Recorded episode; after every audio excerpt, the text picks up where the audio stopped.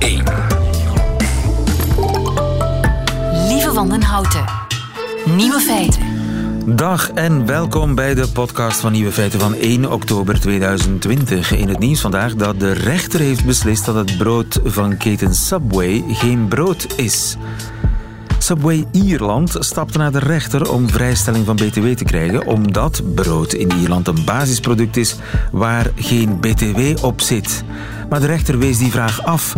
Er zit zoveel suiker in het brood van Subway dat het volgens de wet niet eens meer brood is, maar koek.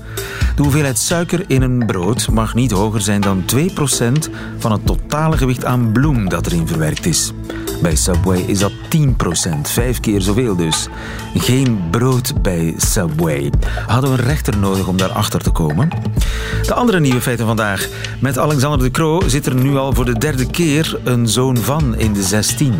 De nieuwe regering heeft het niet langer over holibies, maar over LGBTQAI+. Een term die niemand uitsluit, maar ook niemand kan uitspreken. Misschien weet schrijver Tom Lanois iets beters. De zomers worden stilaan ook te warm voor veel vlinders. En Eden Hazard heeft zoveel stress dat zijn spieren ervan scheuren. De nieuwe feiten van Hugo Matthijssen hoort u in zijn middagjournaal. Veel plezier.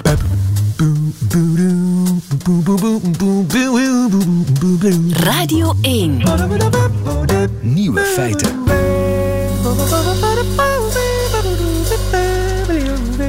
Franstalig België zijn ze blij met de nieuwe regering. Het is inderdaad een Belgische regering met een zeer Belgische premier. Hè. De Croo, dat is een typisch Belgische merk, zoals Côte d'Or of de Rode Duivels of, uh, of de Koninklijke Familie. Alain Gerlache gisteren in Ter Zake. De Croo is een merk, een Belgisch merk, zoals Côte d'Or. En zo blijft het alweer in de familie, want voor de derde keer zit er een zoon van in de 16 na Mark Eiskens, misschien uh, herinnert u zich dat nog, begin jaren 80, en uiteraard Charles Michel, respectievelijk de zoon van Gaston Eiskens en Louis Michel. Onze nieuwe premier is de zoon van Herman de Croo. Het uh, ja, liberale boegbeeld. Is dat typisch Belgisch, Dave Sinardij? Goedemiddag. Goedemiddag. U bent uh, politicoloog aan de VUB. Er is trouwens nog een andere zoon van Louis Michel, tot overmaat van feestelijkheid, Mathieu Michel. En die zit in de regering. Ja, klopt, klopt. Die is uh, staatssecretaris geworden. Dat was een beetje de, de verrassing van vanochtend. Hè, want uh, Boucher was de enige die de namen van zijn ministers nog wat geheim had gehouden. Ja, en plots staat daar dan uh, Mathieu Michel te blinken voor de koning op het paleis. nog een zoon met een vader. En, maar daarmee stopt het toch, hè? Nee, nee, nee, nee. Eigenlijk zijn er minstens vier uh, ministers in de nieuwe regering die uh, deel uitmaken van uh, wat je een politieke dynastie zou kunnen noemen. De Croo dus, Michel, maar ook Vincent van Petegem. dat is de burgemeester van de Pinte, net zoals zijn vader dat ook was, Martin van Petegem. Ook CD&V-politicus en ook burgemeester van, die, van diezelfde gemeente. Dat is nummer drie. En nummer vier? En dan hebben we ja, dat is, uh, die vinden we dan weer bij de PS. Dat is uh, Sarah Schilds. Uh, dat is geen familie van Hugo Schilds, maar wel van Henri Schilds. En die is burgemeester van Luik geweest in het verleden. Dus vier mensen, vier leden van de nieuwe regering hebben familiale politieke banden. En dat is natuurlijk maar het topje van de ijsberg. Wij, we kennen allemaal Karel en Jean-Jacques de Gucht, Herman en Peter van Rompuy.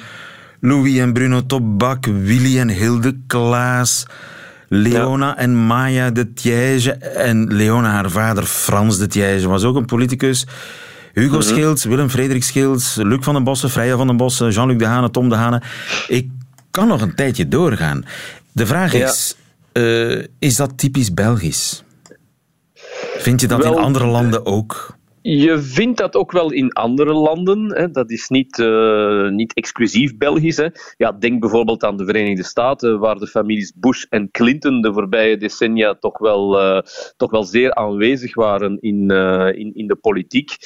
je vindt het ook nog wel in andere landen. de Filipijnen, die, die, die spannen de kroon. Hè. Daar, daar vind je de, de, de sterkste politieke dynastieën.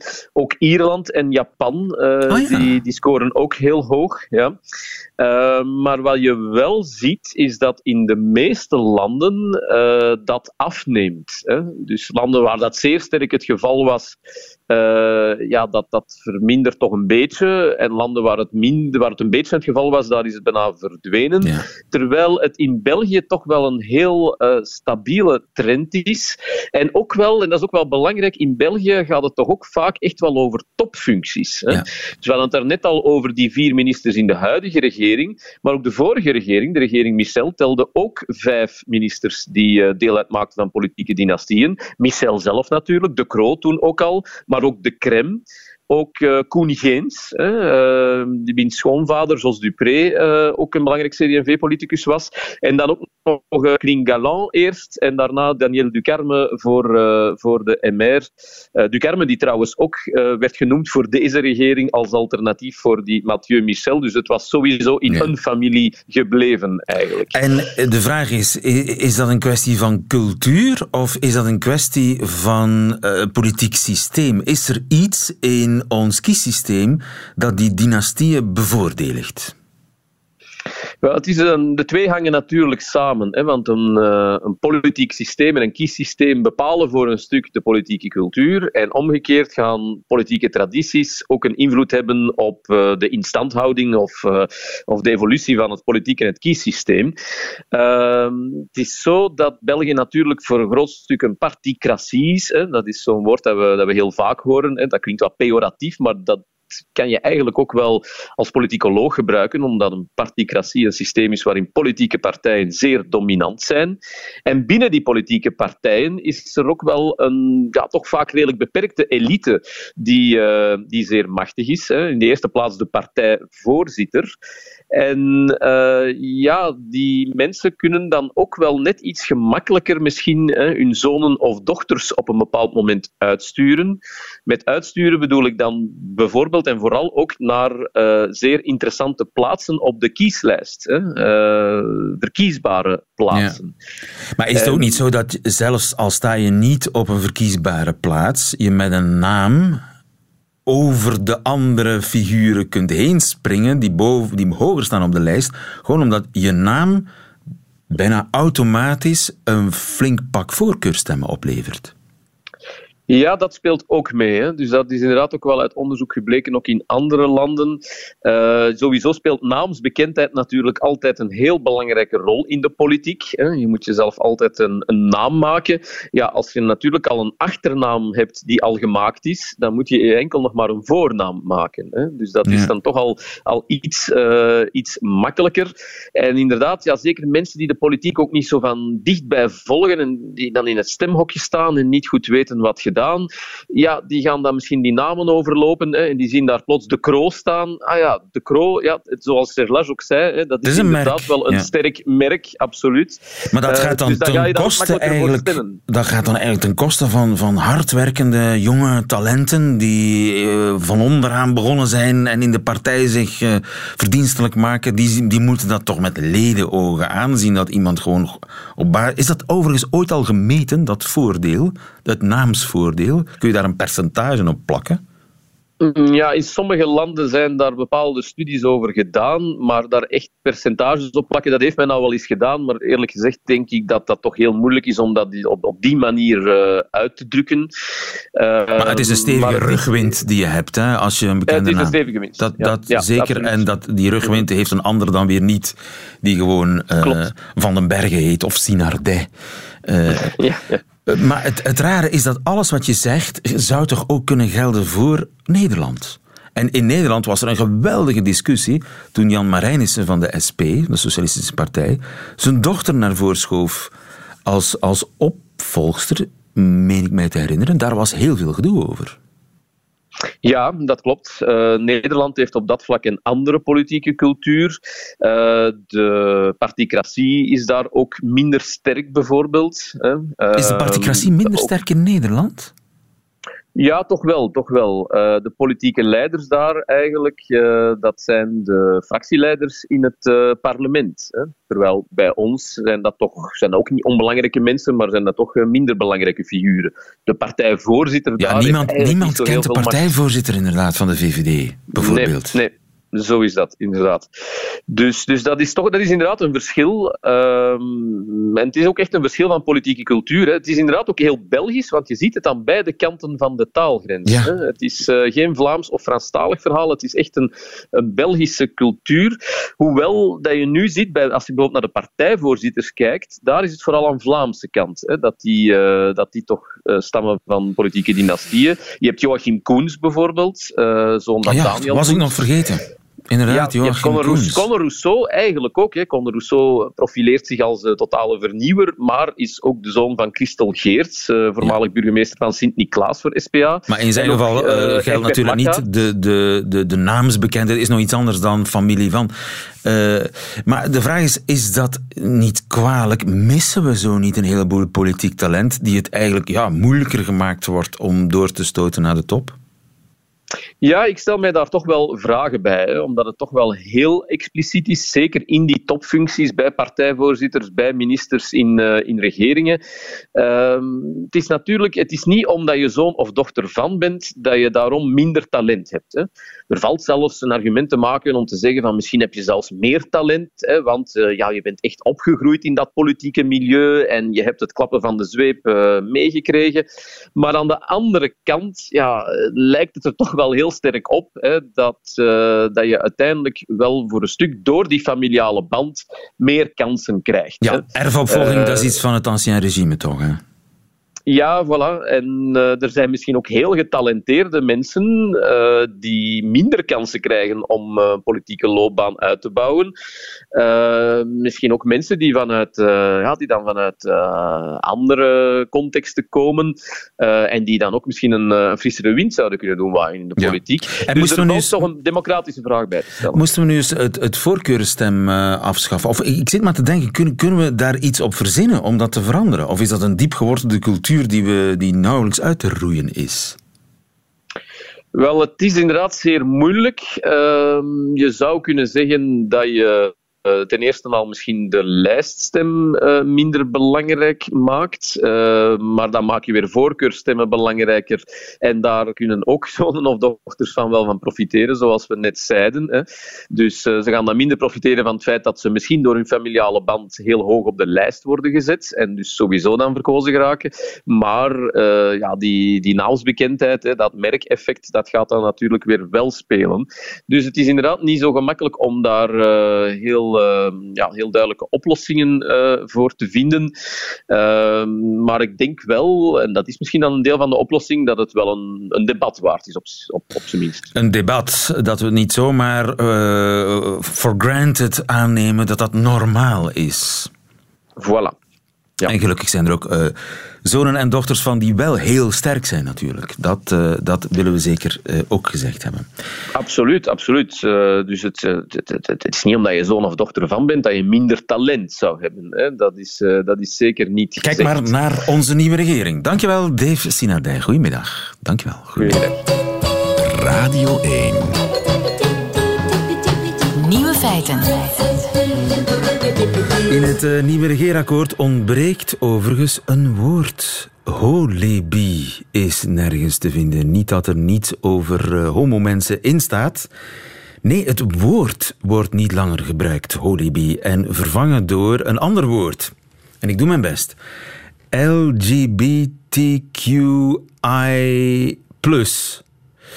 Tom Lanois, goedemiddag. Je bent de AA vergeten. De A, shit, ik wist dat je... Ik voelde het. Ik voelde Er zit een A toch ergens tussen. QAI+. Absoluut. QAI+, Nu, voor de record, plus, juist. voor de record, jij zei net homo-mensen. Ja. Dat vind ik ook redelijk... eh, ja, daar heb ik het ook moeilijk mee in de zin van... Homo-mensen.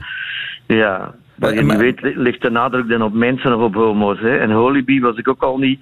Dan voel je Ja, toch een bij- beetje een bedreigde... Ja, Een bedreigde vogelsoort, hè. okapi, ja, Ja. holibi.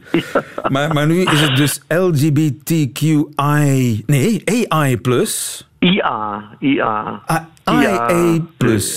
Maar, eh, Ik bedoel, ben er nooit dit in geslaagd om het, eh, ja, dus ja, het, om het het, zelf een, een- voor te lezen op een correcte manier. het is een term die niemand uitsluit, maar die ook niemand kan uitspreken.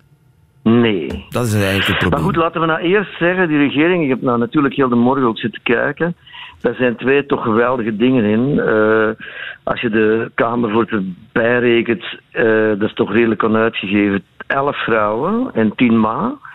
En dan, waar eigenlijk wat fantastisch is dat er niet over gesproken wordt, Petra de Zutter, die minister wordt en dan niet minister in wat dan een vakdomein zou moeten zijn van een transgender, maar die gewoon minister van overheidsbedrijven en ambtenarenzaken wordt. Dat vind ik echt fantastisch. En ik heb zelfs enige schroom om dat nog te vermelden. Op een moment dat je in Polen ziet dat dan de wetten tegen de homomensen, holibies en die onuitspreekbare naam eigenlijk alleen maar verstrengen, is dat toch ongelooflijk dat dat wel kan gebeuren. Hè? Ja, inderdaad. Maar uh, die, die, naam. Die term, die naam. Jij bent schrijver. Alle hoop is op jou eh, gevestigd, Tom. Jij als de belangrijkste schrijver van het land.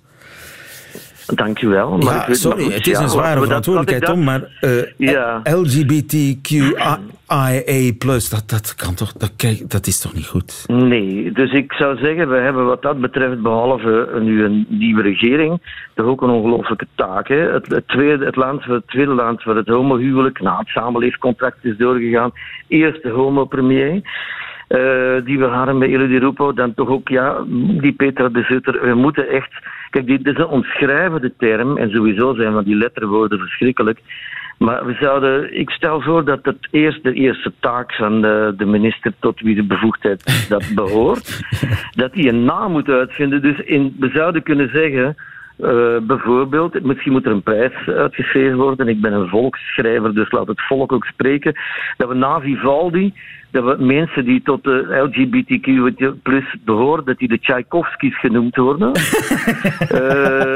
dat vind ik een goeie, de Tchaikovskis. Ja, dat vind ik echt een heel goeie. Uh, en da, daar zijn... allemaal met een hoek af. Allemaal met een hoek af. Ja, maar ja, er zijn ook hele keurige uh, LGBTQIA plus zonder een hoek af, hè?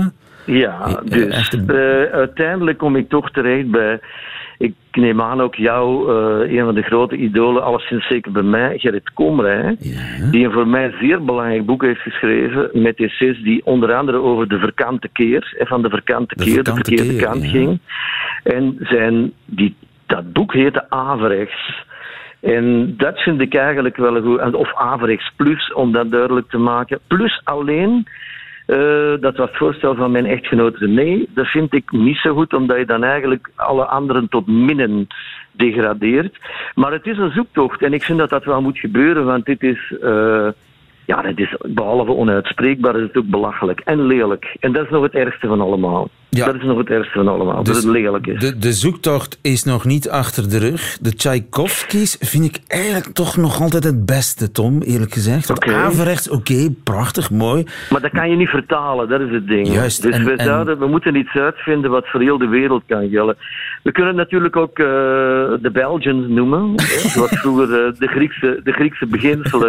De Belgische uh, beginselen. Werden, ja. Maar je hebt natuurlijk ook Spaanse griep gehad en je hebt, enzovoort. Dus ik weet niet of dat dan, maar de Belgians zou ik, uh, kijk als eerbewijs misschien aan Oscar Wilde zou je over de Dorians kunnen spreken.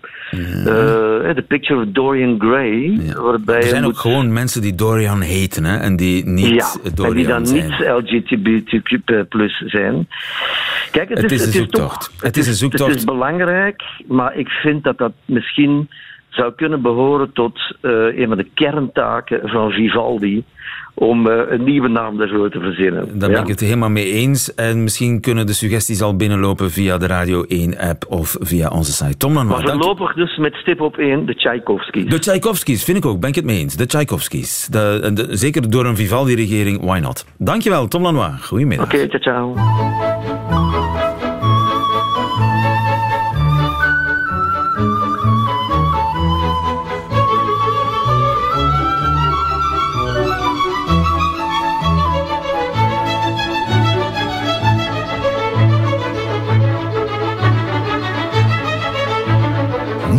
Feiten. Weet u wie er ook zo heeft afgezien deze zomer? De vlinders. Sommige vlinders kunnen goed tegen de warmte, maar andere dan weer helemaal niet, blijkt uit een onderzoek van Britse biologen. Die, en dat is toch wel bijzonder, de temperatuur gemeten hebben van 4000 vlinders. Hans van Dijk, goedemiddag. Goedemiddag, lieve. Uh, je bent bioloog aan de Universiteit van Louvain-la-Neuve. Mag ik vragen, hebben vlinders een oksel? Vlinders hebben in zekere zin een oksel. Uh, want ze hebben natuurlijk pootjes en daar heb je dan waar dat scharniert, waar dat scharnier zit. Maar daar moet je niet zijn, wil je de temperatuur meten van die vlinders. Hoe meet je de temperatuur van een vlinder? Als die ja, geen echte ja, oksel heeft. Nee, hij heeft wel een mini-anusje, maar ook daar hoef je niet te zijn om de temperatuur te meten. Het is zo dat, uh, en, en ook de thermometer thuis in het apothekerskastje zal niet helpen. Je hebt daar een heel speciaal apparaatje voor nodig, dat wij in mijn groep ook, in mijn onderzoeksgroep ook gebruiken. Eigenlijk is het een soort naald. En in die heel dunne naald, dus zeg maar een soort naald waarmee de dokter je prikt als je bloed moet laten nemen, maar nog fijner.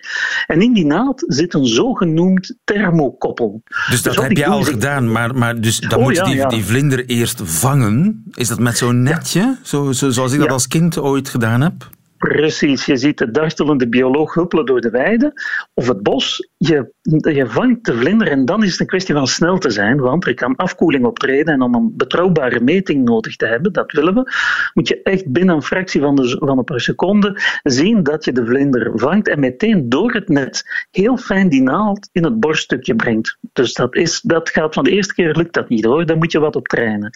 En die naald wordt dan heel fijn voorzichtig in het borststuk gebracht en dan kan je meteen aflezen hoe warm of hoe koud de, de vlinder is. En de vlinder zelf voelt daar niks van? Ook ja, wel natuurlijk. Dat is een prikje. Maar we hebben al jaren geleden getest of dat. Dan gaan we die vlinders merken en kijken. Als we die meting doen van de temperatuur, zien we ze dan vaker sterven. Want ze hebben toch een prikje gehad. En dat bleek niet zo te zijn. Dus ah, ja, ze hebben er invloed van. Maar twee, ze gaan er niet sneller van dood dan andere vlinders. Dus, dus dat is een uh, soort geruststelling. Achteraf vliegen ze weer vrolijk verder. Nu, uh, hoe warm is een vlinder? Ja, op de schoolbanken, lief, heb jij misschien ook wel geleerd dat de vlinders in de club zitten van de koudbloedigen. Maar dat is toch wel heel misleidend. Want als we een, soort waar ik heel veel onderzoek heb aan gedaan, ook over de warmtehuishouding, is het bont zandoogje. Dat is een vlinder die je vooral in bossen vond, maar nu ook in tuinen. Als je die vangt en prikt, je denkt oké, koudbloedig, dat zal niet fameus zijn. Wel, die zit dan, als die goed actief is, toch gauw aan 32 graden. Niet zo gek verschillend van onze temperatuur. Wij als warmbloedige uh, dieren en mensen zitten we aan rond de 36 graden. Dus dat verschil tussen die warm of koudbloedige hoeft niet zo heel uitgesproken te zijn. Maar hoe regelt een vlinder zijn temperatuur dan? Ja, dat is het grote verschil. Het, je zou beter spreken van wij zijn niet alleen warmbloedig, maar onze temperatuur is constant. Jij en ik hoeven er niks voor te doen. We staan op en door de dag schommelt hij een heel klein beetje. En natuurlijk, als we ziek zijn, kan die de hoogte ingaan. Maar de biochemie in ons lijf, als we voldoende voedsel hebben tenminste en energie, maakt dat die constant is. Bij de meeste andere dieren, denk ook aan reptielen, vissen en zo verder, is dat niet automatisch zo. Maar dat wil niet zeggen dat het arme eh, doetjes zijn die niks kunnen thermoreguleren. Dus dat wil niet zeggen dat ze hun temperatuur toch niet binnen bepaalde grenzen houden. En dat heeft deze studie nu nagegaan, van hoe goed zijn verschillende vlinders in het bufferen van die variatie. Want als je tussen aanhalingstekens koudbloedig bent, wil zeggen dat je temperatuur schommelt in functie van de omgeving. Maar als die meer schommelt en je volgt helemaal de omgeving, of je kan toch wat weerwerk bieden, dan is dat interessanter. Want weerwerk bieden betekent dat je bijvoorbeeld als vlinder minder afhankelijk bent van al die grillige sprongen die de omgeving qua temperatuur maakt en je dichter bij je optimale lichaamstemperatuur kan blijven. Daar moeten ze wel wat voor doen natuurlijk. En dat verschilt erg tussen de, de vlindersoorten, werd niet ontdekt. En kunnen ze dat regelen met hun vleugels, door die vleugels open of dicht te houden, of in de schaduw te gaan zitten? Of in een... Ja, ze hebben eigenlijk twee grote manieren bij de dagvlinders. Want nachtvlinders, dat is nog een ander verhaal. Die heb je misschien al wel eens op een muur of op een venster zien zitten. Die trillen zich warm. Dan schudden ze wat. Die gaan een soort opwarming doen. Die trillen zich warm. Shaken, die, ja, die trillen helemaal. Dagvlinders kunnen dat ook, maar heel zeldzaam. Dagvlinders hebben een soort goedkope energie die ze gebruiken. Ze gaan zonnen.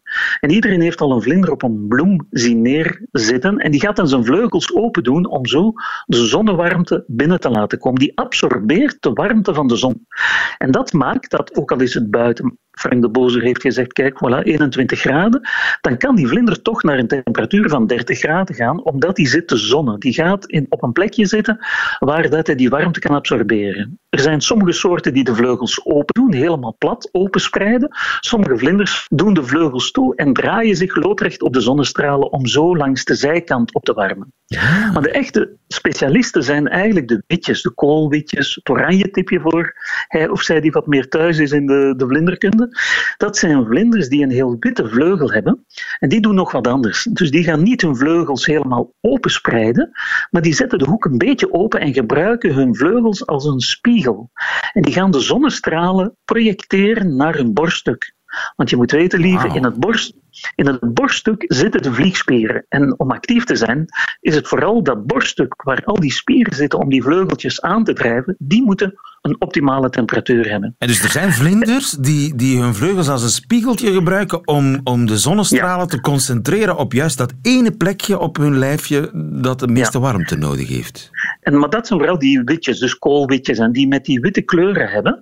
En je denkt aan wit, daar zit dan geen kleur in, maar dat is fout. Er zitten pigmenten in die een witte kleurstof Het is niet dat die het is niet zoals een albino die geen kleurpigment heeft. Dus er zitten heel speciale uh, kleurstoffen, pigmenten in, die in staat zijn om dat te reflecteren. En in deze studie vindt men dan inderdaad dat dat voorbeelden zijn van soorten die hun lichaamstemperatuur toch wat beter kunnen bufferen dan een bruin vlindertje en vooral kleine vlindertjes die wat bruin zien, die lukken daar veel minder in. Die absorberen wel, maar kunnen veel minder efficiënt die temperatuur in de hand houden. En dus die, hebben het meeste last van die bloedhete zomers van de voorbije jaren? Ja, omdat degene, wanneer ze het niet zelf kunnen reguleren, dan zijn het conformisten. En dat bedoelen we mee, dan moeten ze gewoon aannemen wat de omgeving biedt. En die gaan dus in plaats van het zelf te regelen met hun vleugelstanden, gaan die veel meer afhankelijk zijn van warmere of koudere plekjes die ze in de omgeving vinden. En dat hebben ze natuurlijk niet helemaal zelf in de hand. En je moet je inbeelden, wij, onze temperatuur is constant, dus wij trekken ons dan aan. Maar voor een vlinder, als je een open plekje hebt met zand, dat kan veel warmer zijn dan of er een beetje gras op staat, of een beetje mos, of een struik. Al die plekjes in de vegetatie hebben andere, men, men spreekt van microklimaat. Dus de temperatuur die Frank de Bozer uh, ons uh, voorspelt, heeft geen waarde voor vlinders, want dat is de algemene luchttemperatuur. Vlinders willen weten, als het ware, hoe warm is het op deze plek waar er zand is, of op een andere plek in de schaduw. En dan hangen die diertjes af van hun habitatkeuze. Ga ik nu op deze plek zitten of op een andere plek, want dan gaat hun temperatuur wat hoger of wat lager. Kan ik die vlinders helpen? Um, ja, dat kan. Wat sowieso een probleem is, wat, we hebben dit deze zomer nog gezien. Ik heb samen met collega's nog aan de slag gegaan op, op in heidegebieden. En daar zie je dat zelfs de, de meest uitgesproken zonnekloppers onder de vlinders, heivlinders, die het echt hebben van heidegebieden en duingebieden, zelfs die krijgen het te warm en gaan dan wegvliegen de schaduw in. Dus klimaat is ook een biodiversiteitsprobleem. Dus zorgen voor een goed klimaatbeleid is sowieso goed, maar dat is niet iets dat je meteen Als het aan mij ligt, uh, prima, uh, Hans. Maar het klimaatbeleid, daar, uh, daar ga ik niet over. Maar kan ik zelf in mijn tuintje iets doen? Ja, wat je eigenlijk kan doen, en dat is ook iets dat natuurbeschermers meer en meer in reservaten doen, en ze hebben daar in het verleden nooit moeten over nadenken, is je moet nu nadenken dat de variatie in je tuin of in een natuurreservaat, ik bedoel daarmee een hoge grazige vegetatie of een lagere, hoe is het georiënteerd naar de zon? Zeg maar met een duur woord, de thermische dimensie, dus de warmtedimensie van je tuin of van een natuurreservaat, en de variatie daarin, dat is belangrijk. Dat wil dus zeggen, in plaats van één glad biljartlaken gazon, dat heeft overal dezelfde temperatuur. Als dat graspleintje wat meer variatie heeft met stukjes die hoger zijn, die lager zijn, er staat een struikje in, die variatie is ook variatie in warmte en, en schaduw en zo verder. En dat hebben heel wat dieren die het moeilijk hebben, zoals vlinders, want veel van die vlinders gaan achteruit. Trouwens, die studie toonde dat de dieren die het niet zo goed zelf kunnen regelen, de soorten erger of sterker achteruit gaan dan de vlindersoorten die het wel beter in de hand hebben. Dus die kunnen best meer dan een handje gebruiken. Dus een goed biodiversiteitsbeleid houdt rekening met warmte en thermische dimensie. Dat is iets dat we de voorbije jaren. Een beetje wilde tuin, daar, daar eh, kun je vlinders alles eens een plezier mee doen. Absoluut. Variatie, diversiteit, biodiversiteit. Het zit allemaal in dat mooie woord. We hopen voor hen het beste voor die arme vlinders die het moeilijk hebben om hun temperatuur te regelen als het alsmaar warmer wordt. Hans van Dijk, dankjewel. Goedemiddag. Goedemiddag, lieve. Nieuwe feiten. Wordt het te zwaar voor Eden Hazard? Nauwelijks hersteld van een enkel blessure heeft hij nu een spierscheur. En, zeggen zijn dokters, het ligt aan de stress. Servaas Benger, goedemiddag. Dag lieve, goedemiddag. Je bent sportarts. Uh, onze Rode Duivel is vier weken buiten strijd wegens een spierscheur veroorzaakt door stress. Kan dat? Dat kan absoluut. Er is een enorme connectie tussen uh, het mentale aspect stress en tussen het lichaam. En hoe kan dat dat stress een spierscheur veroorzaakt? Maar wij hebben nogal de neiging om die twee los van elkaar te koppelen. Om eigenlijk te zeggen, stress is iets mentaal en uh, alle letsels uh, zijn zaken van het lichaam. Maar er is een enorme connectie tussen, tussen eigenlijk het mentale en het lichaam. Het mooiste voorbeeld daarvan is als je een uh, speech moet geven of als je een examen moet doen. Ja, dan moet je naar het toilet om, omdat je stressklachten hebt. Hè. Dus bij stressklachten bijvoorbeeld je stresskakske moeten doen, om het nu maar even, even te noemen. Dat is eigenlijk omdat er heel veel verbindingen liggen tussen de hersenen uh, en de darm en eigenlijk het ganse lichaam. Uh, dus de hersenen verbinden met het lichaam via zenuwstelsel, maar ook via hormonen. Dus als we een bepaalde gedachte hebben, dan wordt die gedachte eigenlijk een, een soort ja, wordt eigenlijk in het lichaam omgezet in een effectieve hormoonprikkel. Als ik bijvoorbeeld bang ben, dan zal er een adrenaline rush gebeuren. Heb ik bijvoorbeeld de gedachte van, uh, van liefde of zo, dan zal ik oxytocine produceren. Heb ik een gedachte die mij motiveert, dan zal ik dopamine produceren. Dus enerzijds communiceert onze geest en ons denken op die manier met uh, ons lichaam. En bij stress zal dat dan uiteraard het stresshormoon zijn. En we weten van stresshormoon dat dat enorm katabool werkt. En wat bedoelen we met katabool? Dat breekt eigenlijk het lichaam af en maakt eigenlijk het lichaam zwakker en dus veel meer vatbaar voor blessures uiteindelijk. Ja, ja, ja. Maar het is dus niet zo dat plotseling in bed spontaan een spier scheurt. Het moet bij activiteit natuurlijk gebeuren. Nee, nee er, zal, ja, er zal wel een uitlokkende prikkel en het is natuurlijk altijd een samenspel van verschillende omstandigheden. Dus er zal wel een prikkel zijn. Stress verhoogt ook eigenlijk de spierspanning. Uh, dus eigenlijk ja. uh, mensen die onder stress zijn, gaan, gaan veel meer spanning voelen op de schouders. Of, uh, ja. En dus die spieren gaan eigenlijk chronisch al gespannener staan, wat ze dan ook nog een keer vatbaarder maakt voor, uh, voor blessures. Ja, dan vraag je je af, heeft Hazard dan zoveel meer stress dan een andere topvoetballer? Ja, ik uh, ken die mens niet persoonlijk, dus uh, dat kan ik heel moeilijk inschatten. Nu, ik weet wel dat topsporters, ja, die moeten elke dag opnieuw uh, topprestaties leveren. En dat, ja, dat levert wel wat stress op natuurlijk. maar dan is het zaak om, om niet alleen rond de fysieke conditie te werken, niet alleen rond de voetbaltechniek te werken, maar eigenlijk ook te werken rond ja, hoe gaan die mannen met stress op, ja. om en hoe kunnen we ze Weerbaarheid. Daar, daarom begeleiden. Want ja, een van, een van zijn demonen is zijn buikje, hè? Vorig jaar is hij uh, vijf kilo bijgekomen in de zomer. Dit jaar zou hij ook weer een, een behoorlijk buikje gekweekt hebben. Dan denk je toch, dat is toch te vermijden? Ja, het buikje is, uh, is inderdaad... Uh, buikvet is, is, iets heel vervelend, omdat dat ook nog eens metabool actief wordt, uh, zeggen we. dus eigenlijk het vet dat we opslaan in onze buik, dat begint eigenlijk zelf ook nog stoffen te produceren die ook een beetje ontstekingsbevorderend zijn, wat dan eigenlijk ook weer kan bijdragen aan, aan een verhoogd blessurerisico. Ja, zou het kunnen dat hij uh, in een chronische, in een vicieuze cirkel zit? Van, kan stress ook chronisch zijn? Zeker en vast. Uh, dus we spreken eigenlijk van acute stress. Als we een kleine stressprikkel krijgen, daar, dan, ja, dan worden we daar in principe beter van. Maar als die stress te lang of te frequent of te, ja, te regelmatig komt en te hoog wordt, ja, dan kan stress zeker iets chronisch worden. En dan ja, bij, bij normale werkende mensen komen we dan in het veld en het domein van de mensen met burn-out klachten of de mensen die, ja, die het niet meer aankomen, aankunnen of niet meer zien zitten. En bij sporters zal dit natuurlijk heel snel ook fysieke, fysieke uitingen hebben. Hè. Ja. Uh, verminderde prestatie, slechtere slaap. Uh, en Ja. om een uur kom je wel in een vicieuze cirkel terecht. Ja, want hij is natuurlijk van Chelsea naar Madrid getransfereerd voor een fabelachtig bedrag. Van bij het begin uh, waren de supporters kritisch. Zijn prestaties uh, zijn ondermaats. Uh, de, lichamelijk schort er van al. Ja, dan, dan zit je al gauw in zo'n vicieuze cirkel richting burn Ja, ik denk dat we niet mogen onderschatten dat dat wel zal wegen op, op een jonge man, hè, uiteindelijk. maar goed. Is er iets wat je hem zou aanraden?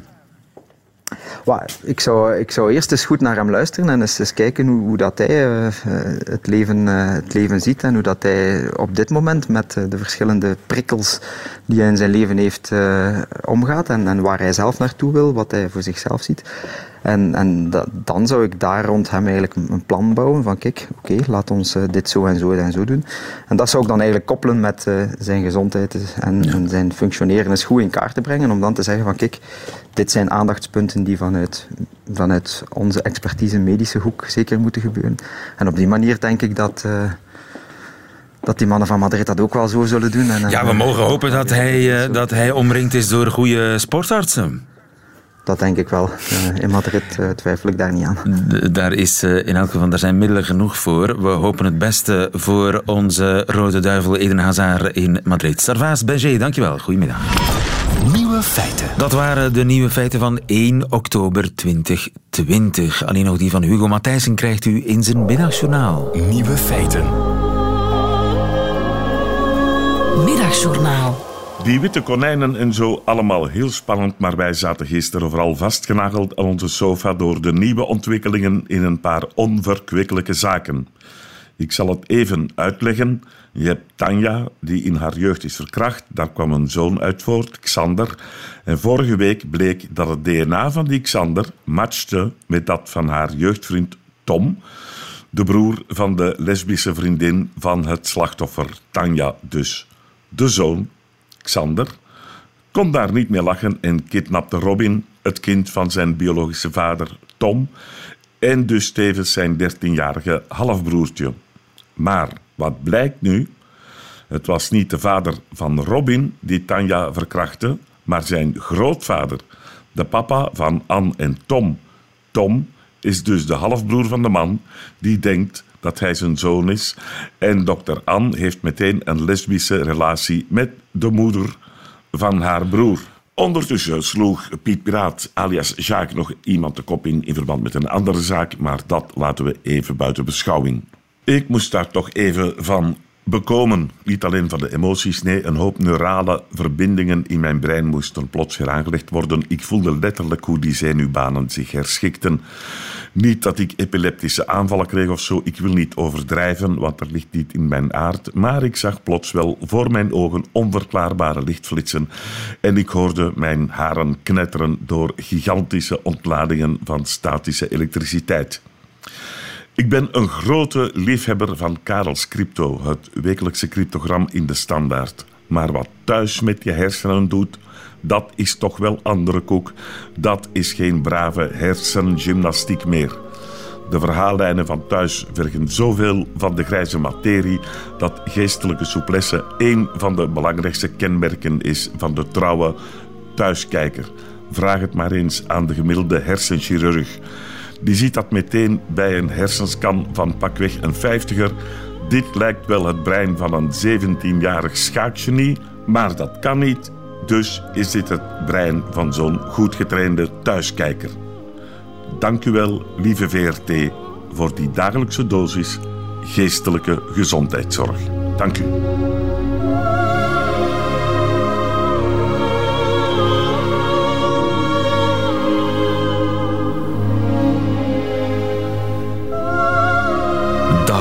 van een thuisverslaafde. Zo lijkt het wel. Hugo Matthijssen in het Middagjournaal.